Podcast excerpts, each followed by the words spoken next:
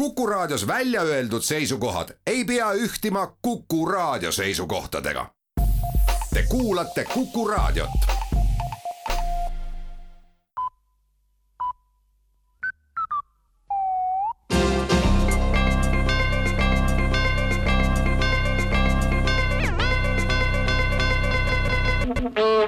on uudiste eetriaeg ja stuudios Rohke Develak.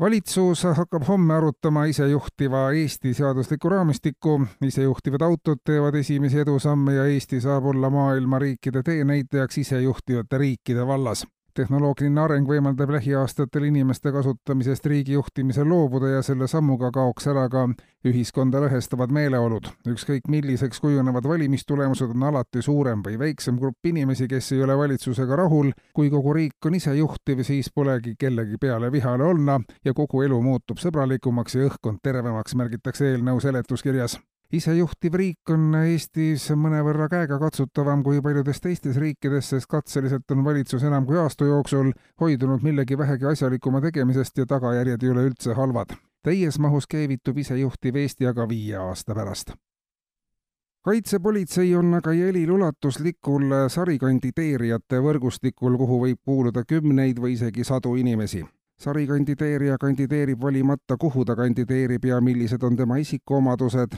on isikuid, kes kandideerivad nii Europarlamenti kui kohalikku volikokku, samal ajal kandideeritakse ka Riigikokku ja mõne ettevõtte nõukogusse võimalusel kandideeritakse presidendiks, mööda minnes kindlasti ka mõne korteriühistu esimeheks ja hädapärast ka lasteaia hoolekogusse. sarikandideerija üheks jooneks on, et ta pea kunagi ei asu ühelgi ametipostil tööle, kuhu ta kandideerib või siis vastupidi, võtab kõikidest eelnimetatud ametipostide töödest aktiivselt osa, jättes mulje üliinimesest sarikandideerijad ummistavad kõik konkursid ja valimisnimekirjad ja nii on inimestel, kel üheks või teiseks ametiülesandeks on vajalikud omadused ja tahe, pea võimatu reaalselt ühiskonda teenida.